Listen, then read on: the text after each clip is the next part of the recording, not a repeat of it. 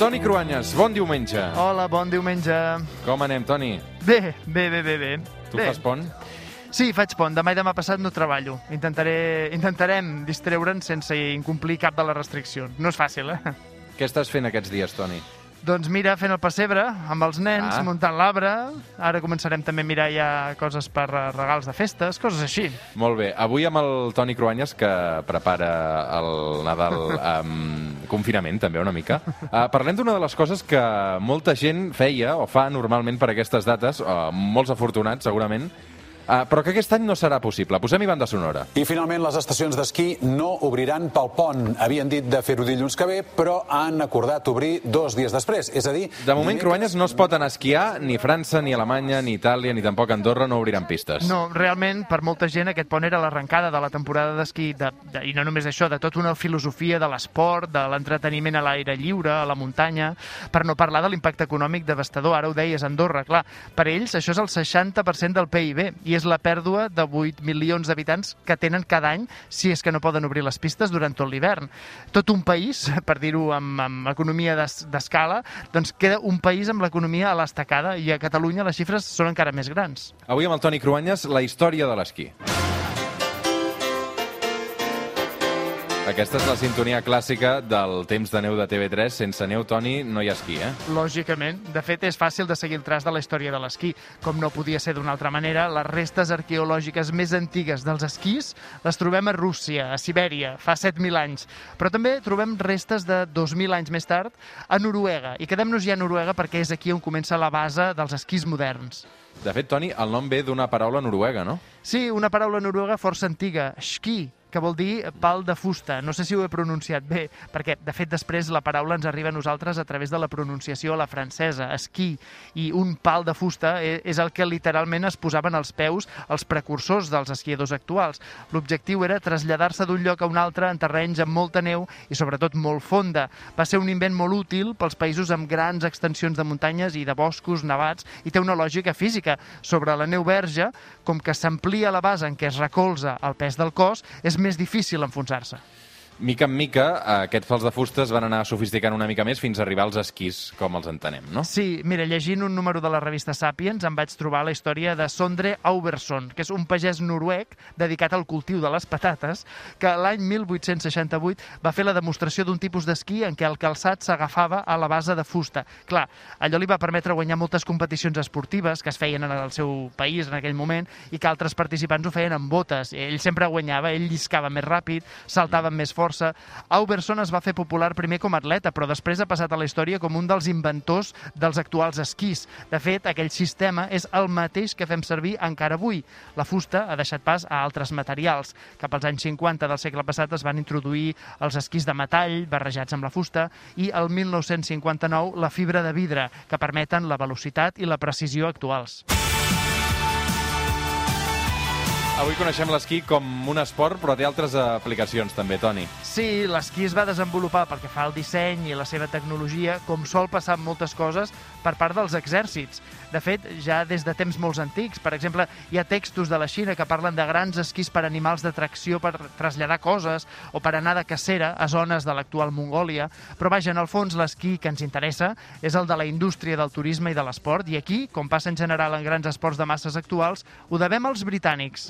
Els britànics, eh? Uh, en principi no hi ha gaires muntanyes ni pistes d'esquí a Anglaterra, no? Ja, però els britànics rics que estiuejaven a Suïssa van descobrir les bondats de la neu i van afegir la cosa competitiva, que ja van fer el mateix amb el futbol i amb altres esports, que els britànics han arribat a traslladar tot arreu del món. Els suïssos i els francesos ja esquiaven, però els britànics van convertir-ho en competició, perquè ens entenguem. A Suïssa, a Sant Moritz, hi ha l'hotel Kulm, inaugurat l'any 1856, que es considera el més antic refugi d'esquiadors que tenia molts clients britànics. I aquí va haver els primers campionats d'esquí. Això va ser ja l'any 1880. Vella Giruca, quantes hores passades, quanta alegria A casa nostra va ser el Centre Excursionista de Catalunya el que va obrir una secció d'esports de muntanya l'any 1908, Toni. Sí, en comptes de Xiruca, Mesquís. Però vaja, el més entusiasta va ser un català que es deia Albert Santamaria i Armengol, que havia anat a Suïssa a estudiar comerç i que va tornar entusiasmat. Va fer una primera comanda de material amb esquís, trineus, raquetes, amb piulets, i la primera esquiada col·lectiva que es coneix a Catalunya va ser d'aquell mateix any. Van anar als rasos de Peguera, al Montseny, a la Molina i a Ribes de Freser. No van arribar als Pirineus. Realment no, no, no va ser fins que va millorar el transport que no es va poder desenvolupar l'esquí ni es va popularitzar realment. A l'inici era per gent amb diners, per, avui en diríem per pijos. Ara en Sí. part també, però penseu que inicialment per anar a destinacions no gaire lluny de Barcelona podien passar-se un dia sencer per anar-hi, fer-hi nit i encara després passar mig matí per pujar fins dalt de la muntanya. I la baixada passava molt de pressa. Era només per gent amb diners, com dèiem, però també gent amb molta afició. T'havia d'agradar molt. L'arribada del tren a la Molina, la millora de la carretera de la Collada de Toses, eh, va ser un moment clau també per, per popularitzar aquest esport, eh? Sí, l'any 1922 el tren de vapor va arribar a Puigcerdà i la línia de tren Transpirineic també va tenir un impacte que va popularitzar les excursions a partir de 1927. Després vindria el tren Cremallera de Núria. Clar, allò va ser un canvi brutal a partir del 1931. De cop, la gent que anava al santuari de Núria va passar de fer excursions a treure profit de la baixada i lliscar amb trineus improvisats, a jugar amb la neu. Fins llavors la gent fugia del fred. En canvi, ara la neu és font de diversió. Només cal mirar les pel·lícules o la cultura popular actuals. Vens a fer ninot de neu a mi, au va sortir a jugar. Això és Frozen, no, Toni? Sí. Clau, va surt, sisplau, no entenc què et pot passar. Érem inseparables, i ara ja no, no sé jo quin mal et faig. Tots els que tenim nens sabem perfectament que això és Frozen. És el moment en què l'Anna li demana a l'Elsa que li faci un ninot de neu. Clar, als nens i als grans ens agrada la neu, però això és relativament nou. Abans la gent fugia del fred. Ara hi anem a passar les vacances. Clar, que hi ha un invent, als anys 40, que popularitza definitivament l'esport de l'esquí. Sí, aquí hi ha una pregunta que és com s'ho feia la gent per anar a esquiar abans que hi haguessin remuntadors, no? Clar, és que sense remuntadors era, era molt, molt difícil. Mira, la primera estació d'esquís d'Espanya amb remuntadors va ser a Font Canaleta l'any 1943. També es va fundar la primera empresa dedicada a aquest sector, que es deia Telesquís Pirenaicos, S.A.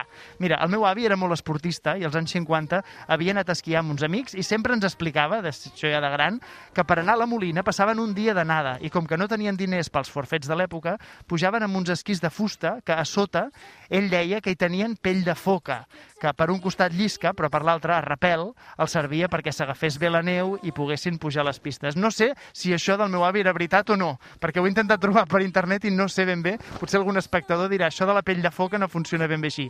Però la veritat és que amb el meu avi allò era una gran proesa. Oh, the weather outside is frightful, but fire is so delightful. Avui arribaran a les 9 amb tot un clàssic, el Let It Snow del Michael Bublé amb els temps que corren eh, també ens farà companyia. Gràcies, Toni. Vinga, fins la setmana que ve. Let it snow, let it snow, let it snow, let it snow.